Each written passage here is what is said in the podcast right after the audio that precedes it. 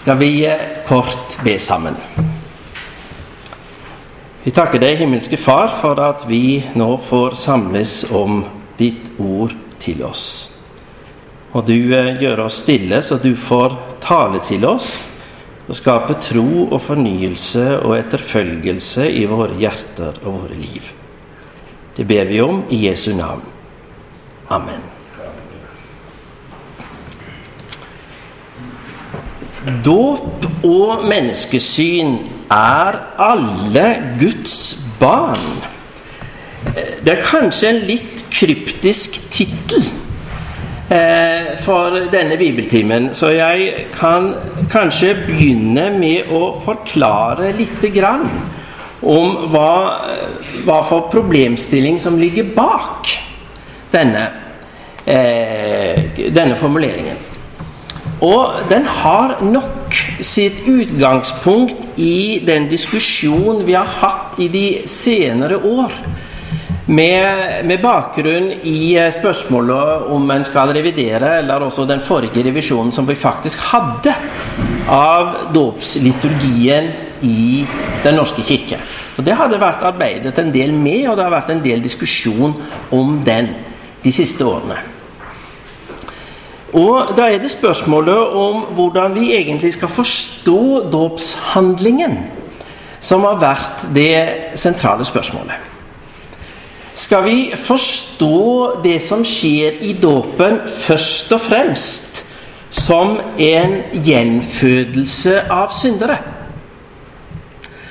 Og hvis vi hører godt etter eh, når dåpsliturgien gjennomføres, så vil vi måtte konkludere med at svaret på det spørsmålet det er et ganske tydelig ja.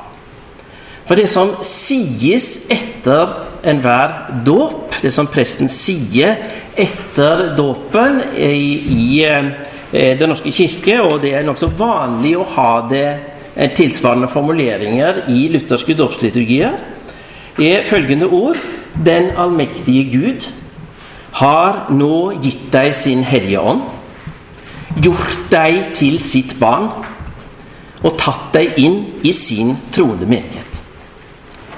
Gud styrker deg med sin nåde til det evige liv. Så tar vi den formuleringen på alvor som den står, og det skal vi selvsagt gjøre. Så er det jo helt entydig den som er, nå er døpt, er derved blitt Guds barn. Nå har Gud gjort deg til sitt barn og tatt deg inn i sin menighet. Det er jo i utgangspunktet helt greit. Helt ubestridelig. Dåpsliturgien betyr helt entydig det. Samtidig så har noen ment at det er også et annet moment ved dåpen som bør telle med, og som bør komme tydelig fram, og kanskje også bør komme tydeligere fram enn det de gjør i dåpsliturgien. Nemlig dåpen som en mulighet til å uttrykke takknemlighet for det nye livet. For de fleste som døpes i våre sammenhenger, er jo barn. Og når en står der med et nyfødt barn i sine hender, ja, da den står en der med en stor takknemlighet i hjertet til Gud, som har gitt oss dette nye livet. Burde ikke dette komme, også komme til uttrykk? Og det gjør det jo også. Vi kan tenke på en mye brukt dåpssalme som fylt av glede over livets under. Kommer vi til deg? Eh, så motivet hører med, og det hører også med i dåpsliturgien. Men forholdet mellom disse to elementene i dåpsliturgien har av og til blitt oppfattet som en spenning og har skapt en diskusjon. Hvor skal hovedvekten ligge? Og hvis hovedvekten ligger på det at vi er syndere som gjenfødes og gjøres til Guds barn i dåpen, vil ikke dette med takknemligheten og gleden kommer for svakt til uttrykk.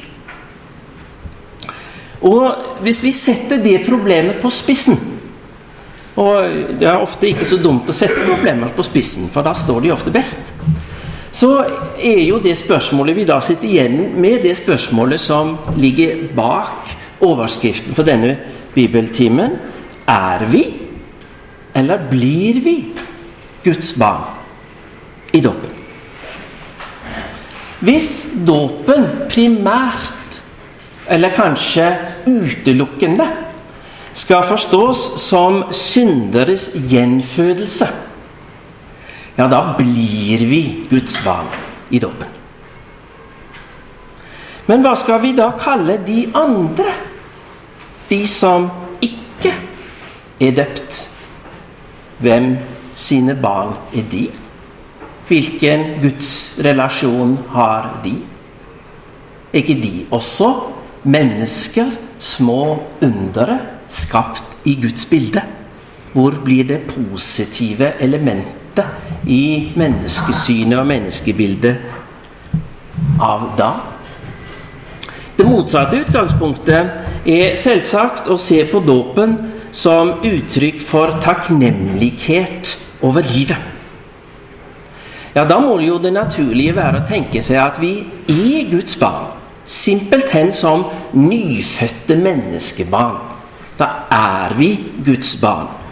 Og vi uttrykker den takknemligheten gjennom dåpen. Men hvorfor skal vi egentlig døpe da? Takknemlighet til Gud, det kan vi uttrykke på mange måter. Og det er ikke nødvendig å ta barna i kirken og dyppe de i vann for å uttrykke den takknemligheten. Det er altså problemstillingen som ligger bak det spørsmålet som, eh, som er utgangspunktet for denne bibeltimen. Så tenkte jeg litt på hvordan, hvordan skal jeg nå gå fram for å gi et bibelsk begrunnet svar på spørsmålet. For det skal en jo prøve å gi på, i en bibeltime. Jo, jeg får slå opp i Bibelen, tenkte jeg. Det må være et godt sted å begynne en bibeltime. Eh, så da slo jeg opp i, i Bibelen og i en bibelordbok og prøvde å finne ut dette uttrykket 'Guds barn'. Hvordan brukes det egentlig i Bibelen? Det måtte være et godt sted å begynne, tenkte jeg. Det brukes ikke så veldig mange ganger, sånn at dette er det faktisk mulig å få en viss oversikt over. I Det gamle testamentet så brukes det to ganger. I Det nye testamentet brukes det 15 ganger. Det varierer litt hvilken oversettelse en bruker, for det er litt ulike uttrykk på gresk som ligger til grunn for dette. Eh, og, og, det kan oversettes litt ulikt, men veldig store forskjeller mellom bibeloversettelsen er det ikke her, og disse tallene refererer til Bibelselskapets 2011-oversettelse. Det som Og vi har også litt avledede uttrykk. Barnekår, f.eks., som, som er på en måte en del, en del av det samme. Det som imidlertid, hvis eh, hvis en kikker gjennom disse tekstene, så er det bildet som tegner seg da, det er helt entydig. Det refererer alltid til det vi kan kalle Guds folk i avgrenset mening. Uttrykket 'Guds barn' er i Bibelen aldri brukt om menneskene, menneskeheten, i sin alminnelighet. Det brukes i Det gamle testamentet om det vi kan kalle for Israels menighet. Og det brukes i Det nye testamentet alltid og uten unntak om mennesker som har en trosrelasjon til Gud. Vi kan se på noen sentrale eksempler fra Det nye testamentet, sånn at dere skjønner liksom hva, som, hva som ligger i dette, og at jeg ikke finner på dette helt av meg selv. I Romane 8,14 så står det alle som drives av Guds ånd, er Guds barn. Alle som drives av Guds ånd, er Guds barn. Og det gir jo veldig god mening i å si det som vi sier ved dåpen. Nå har Gud gitt deg sin hellige ånd og gjort deg til sitt barn. Det er simpelthen en gjengivelse av denne bibelteksten. Galaterbrevet kapittel 3 vers 26. Dere er alle Guds barn ved troen i Kristus Jesus. Det er nesten ikke mulig å svare mer entydig på spørsmålet i problemstillingen. Dere er Guds barn ved troen. Det er den som gjør oss til Guds barn. Og Vi kan ta også, også med et vers fra 1. Johannes brev, kapittel 3. Se hvor stor kjærlighet Far har vist oss. Vi får kalles Guds barn. Ja, vi er det. Verden kjenner oss ikke fordi den ikke kjenner ham. Her settes altså Guds barn som har denne nære far-barn-relasjonen til sin himmelske far, i motsetning til verden, menneskeheten i sin alminnelighet, som ikke har denne nære trosrelasjonen, og som derfor i bibelsk språkbruk aldri omtales som Guds barn. Selv om de selvsagt er mennesker skapt i Guds bilde og som Gud er glad i.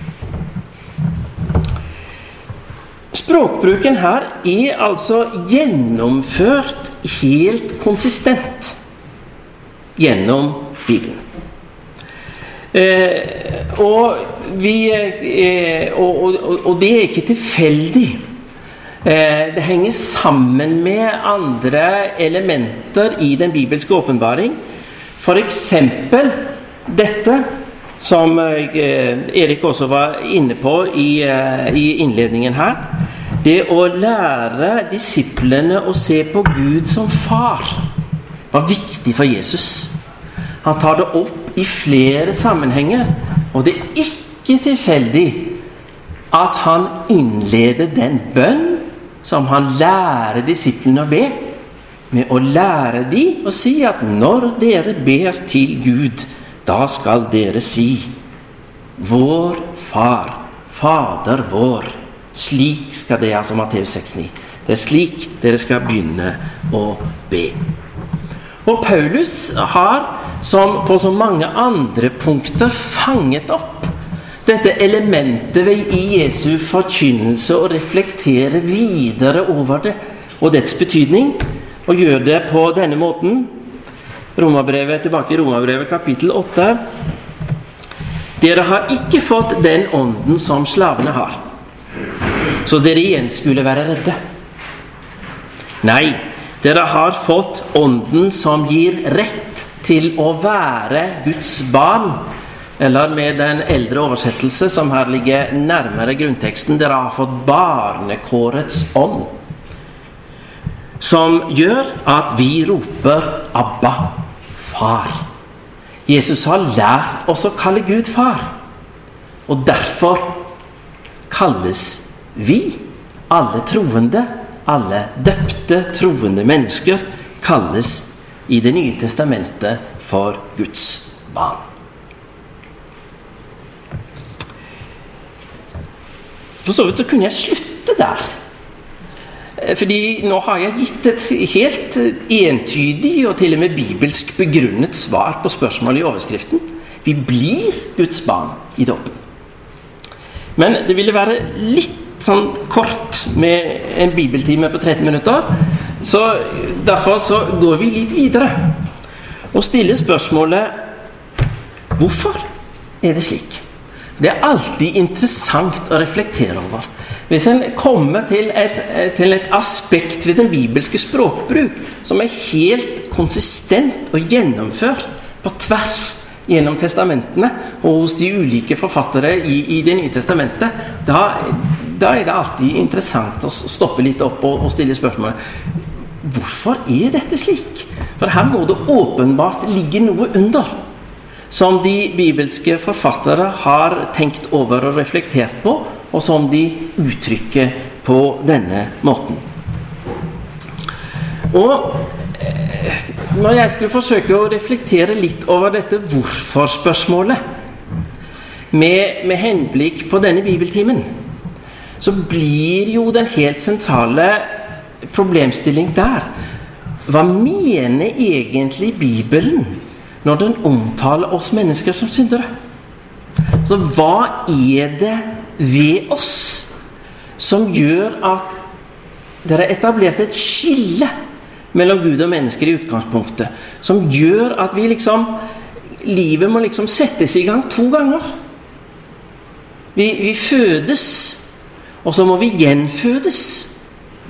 Fordi i utgangspunktet så er det et skille her.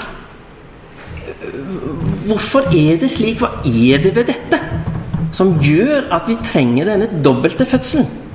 Slik at Bibelen bare omtaler oss som Guds barn etter at dåpen har etablert troslivet i oss. Utgangspunktet må jo være at vi alle er skapt i Guds bilde. Første Mosebok kapittel 1, 28. Det gjelder alle mennesker uten unntak. Eh, samtidig så har vi også alle Og det er også ifølge Bibelen noe som gjelder alle mennesker uten unntak. Vi har gitt rom for det spørsmålet som slangen formulerer i første Mosebok kapittel 3 vers 2. Har Gud virkelig sagt? Har han virkelig sagt dette? om den ubetingede kjærligheten, om den ubetingede nåderelasjonen, om at vi fritt kan ta av alt i verden, bare ikke av kunnskapstreet. Har Gud virkelig sagt det? Det spørsmålet har vi alle møtt. Vi kjenner alle fristelsen. Og vi kjenner alle fallet, ikke bare fordi det står om den i Første Mosebok kapittel 3, men fordi vi har opplevd dette i våre egne liv. Derfor er gudsrelasjonen, barnekårets tillitsrelasjon, er brutt. Og det er ifølge Bibelen i eh, også noe som gjelder alle mennesker uten unntak. Vi har brutt det første bud. Gud er vår far, men vi forholder oss ikke til ham som om han var det. Det er en sannhet som gjelder alle mennesker på samme måte som det gjelder alle mennesker at vi er født i Guds bilde, at de er skapt i Guds bilde, og derfor må alle fødes på ny. Så kan en jo da selvsagt stille spørsmålet gjelder dette virkelig alle mennesker uten unntak? Kunne det ikke gjøres noen unntak? Kanskje for de snilleste, kanskje for de minste. Eh, hvordan skal vi tenke om det? Vel, hvis vi fremdeles holder oss til prinsippet om at vi skal slå opp i Bibelen og se hvilke svar den gir, så gir den fremdeles et helt entydig svar på det spørsmålet. Romerbrevet kapittel 5 vers 12 Synden kom inn i verden pga. et menneske, og med synden kom døden, og slik rammet døden alle mennesker fordi alle syndet.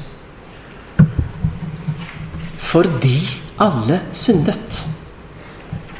Bibelen kjenner nok fortellingen om et syndefall. Selv om det uttrykket i og for seg ikke brukes i Bibelen, så sier Paulus her at synden kom inn i verden. Men problemet for oss er ikke først og fremst at synden kom inn i verden. Problemet for oss er først og fremst det at vi har syndet alle. Og hvordan vet Paulus det? Hvordan kan Paulus vite at alle mennesker har syndet? Jo, det kan Paulus vite fordi han, og dette forklarer han på en ganske utførlig interessant måte i de to første kapitlene i Romerbrevet. Det kan Paulus vite fordi at han har funnet ut både på grunnlag av erfaring og på grunnlag av guddommelig åpenbaring, at det finnes to typer synder. Og dermed også to typer syndere. Den ene er for så vidt den enkle typen. Det er de åpenbare synderne. Og det er de han skriver om i Romerbrevet kapittel 1 fra vers 18 og utover. De som åpenbart bryter med den åpenbarte lov, slik vi har den i de ti bud. Det er greit nok.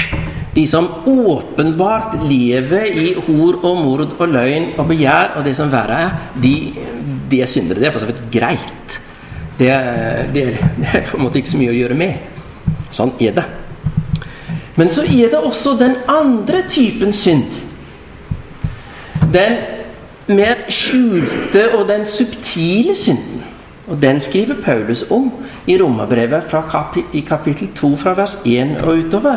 Og det er selvgodheten.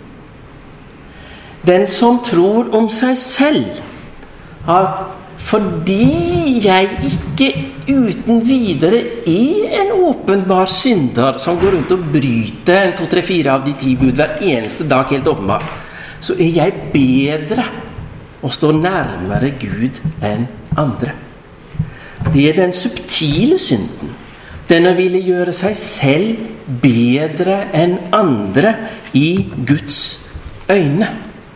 Og den synden den slipper vi ikke unna, noen av oss. Selv om vi kanskje klarer å overholde flere av de ti bud sånn i det ytre sett. Det der. Dette har ifølge Bibelen simpelthen noe å gjøre med selve den utfordring det er å være menneske. Vi er stilt inn i en gudsrelasjon som krever mer av oss enn vi makter å håndtere. Evigheten er lagt inn i våre hjerter. Det følger at vi er skapt i Guds bilde. Men dermed er vi plassert i en sammenheng, en utfordring, en oppgave som er for stor for oss. I Salme 8,6 så står det at vi er skapt lite ringere enn Gud. I Forkynneren kapittel 3 vers 11 er det det står dette uttrykket med at evigheten er lagt inn i våre hjerter. Det vi står overfor her, er det vi rett og slett kan kalle for mysteriet med det gode skaperverket. Et eller annet sted så ble det som var godt, til noe som ikke var så godt var sammenhengen mellom første Mosebok kapittel 1 vers 31, som sier at Gud hadde skapt alt. Han hadde skapt mennesket i sitt bilde. Han hadde skapt alt annet. Og så så han på det han hadde skapt, og så så han at det var godt. Og så går det ett kapittel, og så er vi midt i kapittel 3, og så gikk det galt. Hva er grunnen til at det som var godt gikk galt? Hva er grunnen til at menneskene ble satt inn i en sammenheng, fikk en utfordring som de ikke klarte å leve opp til? Ja, Det har kirkefedre og tenkere gjennom kirkens historie grublet mye på. Og noen har prøvd å gi svar også.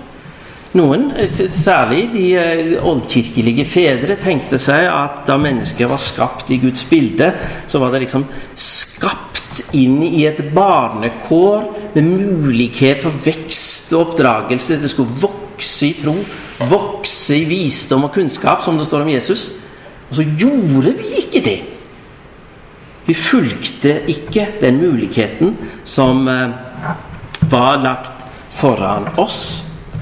Eh, en annen refleksjon over dette, og den har vi jo Søren Kirkegård er at eh, vi med å være skapt i Guds bilde, og dette med evigheten lagt inn i våre hjerter, skaper angst i oss. Vi rett og slett står overfor angsten overfor uendeligheten og makter ikke å håndtere det i tro. Og dermed så blir det til synd.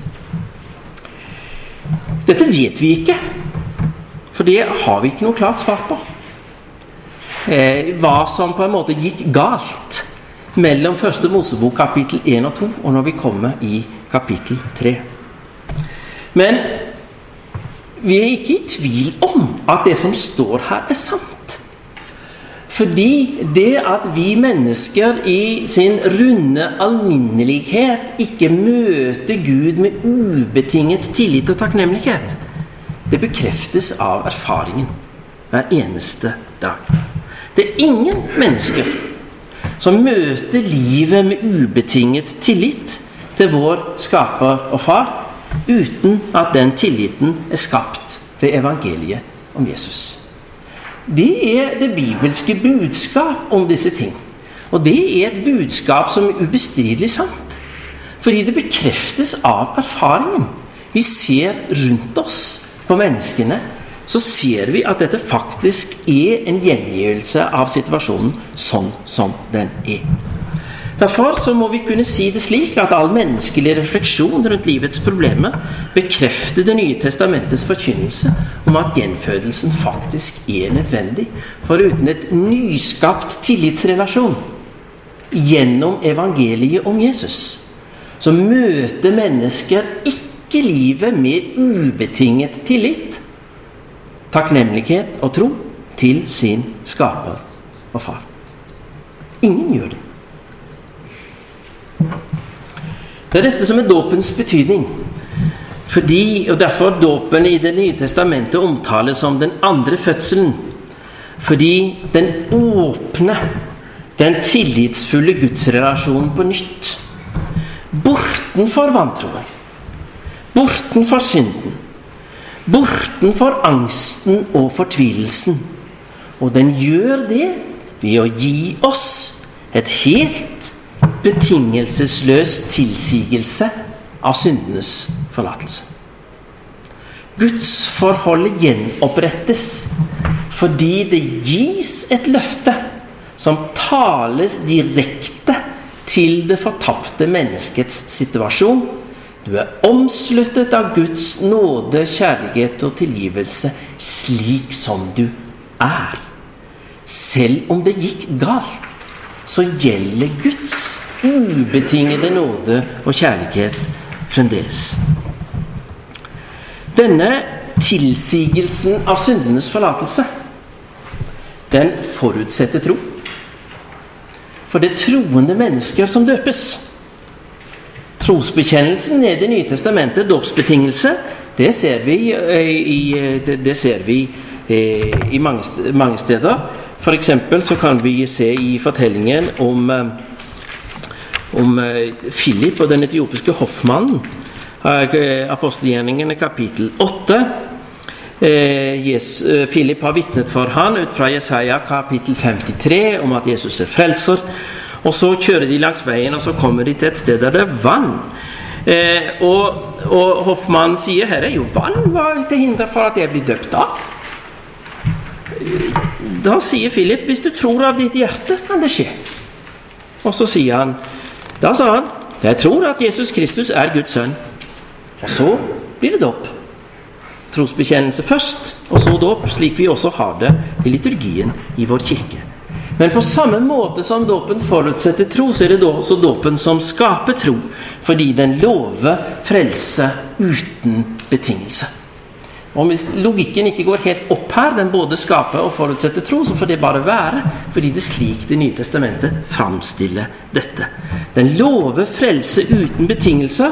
Markus 16, 16. Den som tror og blir døpt, skal bli frelst. Da er det ikke mer å legge til. Uansett. Fordi dette er sagt til syndige mennesker. Det er det som er dåpsløftets poeng. Det er viktig for oss på en annen måte enn første Mosebok kapittel 128, altså skapt i Guds bilde. Eh, er fordi dåpsløftet er uttrykkelig sagt til syndere. Altså gjelder det også oss. Ikke det at første Mosebok 1.27 ikke gjelder oss, men jeg kan alltid stille spørsmålstegn ved det. Vi, ja, vi er skapt i Guds bilde, men etterpå har vi gjort så veldig mye rart. Så det er ikke sikkert det gjelder en gang til. Det spørsmålet kan vi ikke stille til dåpsløftet, for det er helt entydig og klart sagt til sånne som oss.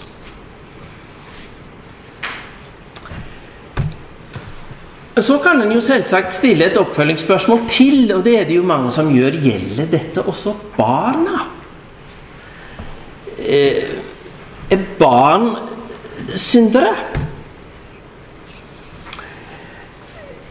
Det kan en selvsagt eh, si mye forskjellig om.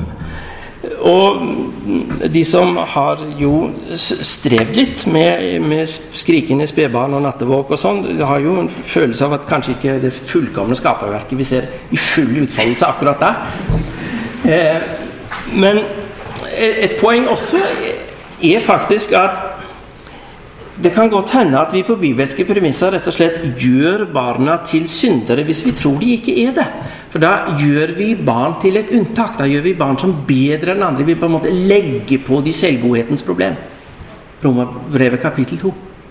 Og Det tror jeg vi skal være forsiktige med å gjøre. Så kan en jo selvsagt også stille spørsmålet om barn kan tro. Eh, Vel, hvis troen primært er Guds gave, så kan ikke den intellektuelle kapasiteten gjøres til en forutsetning. Det tror jeg faktisk er en stor velsignelse i, i, i, den, uh, i den praksis vi har i, i, vår kirke og i de kirker som døper barn. Fordi det blir så tydelig at det skjer helt forutsetningsløst. Og implikasjonen på det er at det jo er mye enklere å håndtere spørsmålet om hvilken stilling psykisk utviklingshemmede har for Gud. Så Det problemet får en veldig fort hvis en, hvis en knytter, eh, hvis en knytter dåpens gyldighet til et eller annet av intellektuell kapasitet hos den som døpes. Gjelder dette troen, så må det også gjelde vantroen. Altså, eh, Tro og vantro har ikke primært med vår tenkeevne å gjøre. Det går på dypere lag i personligheten. Det er de sammenhenger vi er stilt inn i. Derfor så døper vi barn fordi vi ikke ønsker å lage kunstige skiller som som Det nye testamentet ikke lager mellom mennesker. for de kunstige skiller som vi ikke finner entydig bibelsk belegg for, de er alltid et resultat av spekulativ teologi, det som jeg ofte kaller for frihåndsteologi. Altså teologi som ikke er forankret i konkrete bibeltekster. Det er noe vi skal forsøke å holde oss unna.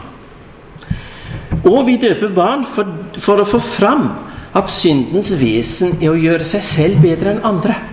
Romerbrevet kapittel 2 vers 1 igjen. Du som øh, Hvorfor synder du selv? Du som øh, tror at du ikke gjør disse tingene.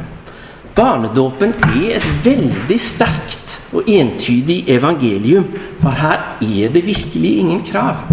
Og de av oss som har levd så lenge at vi kanskje har fått bitte lite selvinnsikt, vi er veldig glad for at vi i dåpen møter Gud på en slik, der han på en slik entydig måte kommer til oss med en som ikke har krav til oss. Han kommer med en ubetinget gave. Er vi, eller blir vi, Guds barn i dåpen? Er vi, eller blir vi troende i dåpen. Vi blir troende fordi troen trenger dåpsløftet som fundament. Derfor er den trosbekjennelse som er forutsetning for dåp, også en tro på dåpsløftet. Fordi den ser fram mot det og eh, knytter seg til det. Er barn syndere, eller blir de syndere på et eller annet tidspunkt i sin intellektuelle utvikling? Vel, til det tror jeg vi må konkludere at vi møter alle spørsmålet fra første Mosebok 3.2. Har Gud virkelig sagt? Og Den fristelsen faller vi alle i. Men dette ytrer seg ulikt rent psykologisk. Men alle møter det fordi det har med de grunnleggende betingelser for menneskelivet. Og den som benekter det, og sier at 'jeg eller noen andre' har ikke møtt og falt i denne fristelsen, møtes dermed av kritikken fra Romerne 2.1. Du som tror at dette ikke gjelder deg, du viser dermed at det gjelder deg. Eh, derfor er den eneste måten å håndtere dette på, som skal være konsistent og ikke lage kunstige skiller og være spekulativ, og operere med den tanke som er det nytestamentlige perspektiv på dette, at vi er alle syndere fra unnfangelsen av. Vi kan kanskje i juridisk språkbruk si at det er en form for objektivt ansvar og objektiv skyld. Eh, men det er ikke, ikke, objektivt i den forstand at dette er en læreoppfatning som er uten kontakt med livets realiteter. For den bekreftes av det vi ser rundt oss og kjenner fra vårt eget liv hele tiden. Derfor så tror jeg ikke at det på bibelske premisser er mulig å konkludere på noen annen måte enn at det vi har i dåpen, primært er en gjenfødelse. Og det er fordi at dette skal være gjenfødelse, det er derfor vi døper. Selvsagt er det ikke galt å takke Gud for dåpsbarnet. Selvsagt er det ikke galt å synge fylt av glede over livets under. Og det kan godt være et element i liturgien, men, og det er et viktig poeng i denne sammenheng, det er ikke derfor vi døper. Det er ikke takknemligheten over livets under som er grunnen til at vi har en dåpshandling.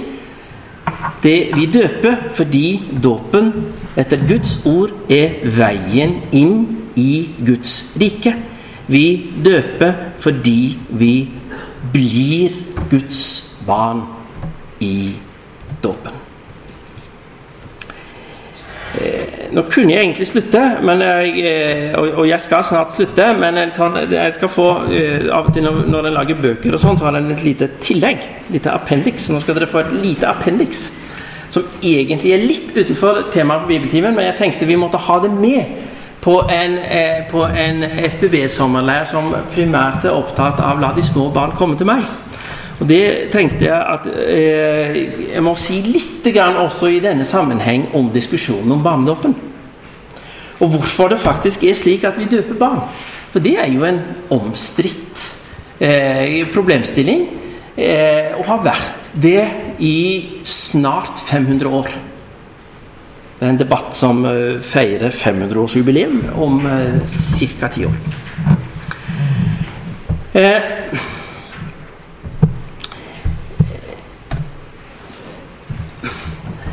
Barnedåpens problem er ikke primært skapt av manglende skriftbelegg for spørsmålet om hvorvidt en skal eller ikke, eh, ikke døpe barn, er ikke eksplisitt diskutert noe, i noen bibelsk tekst.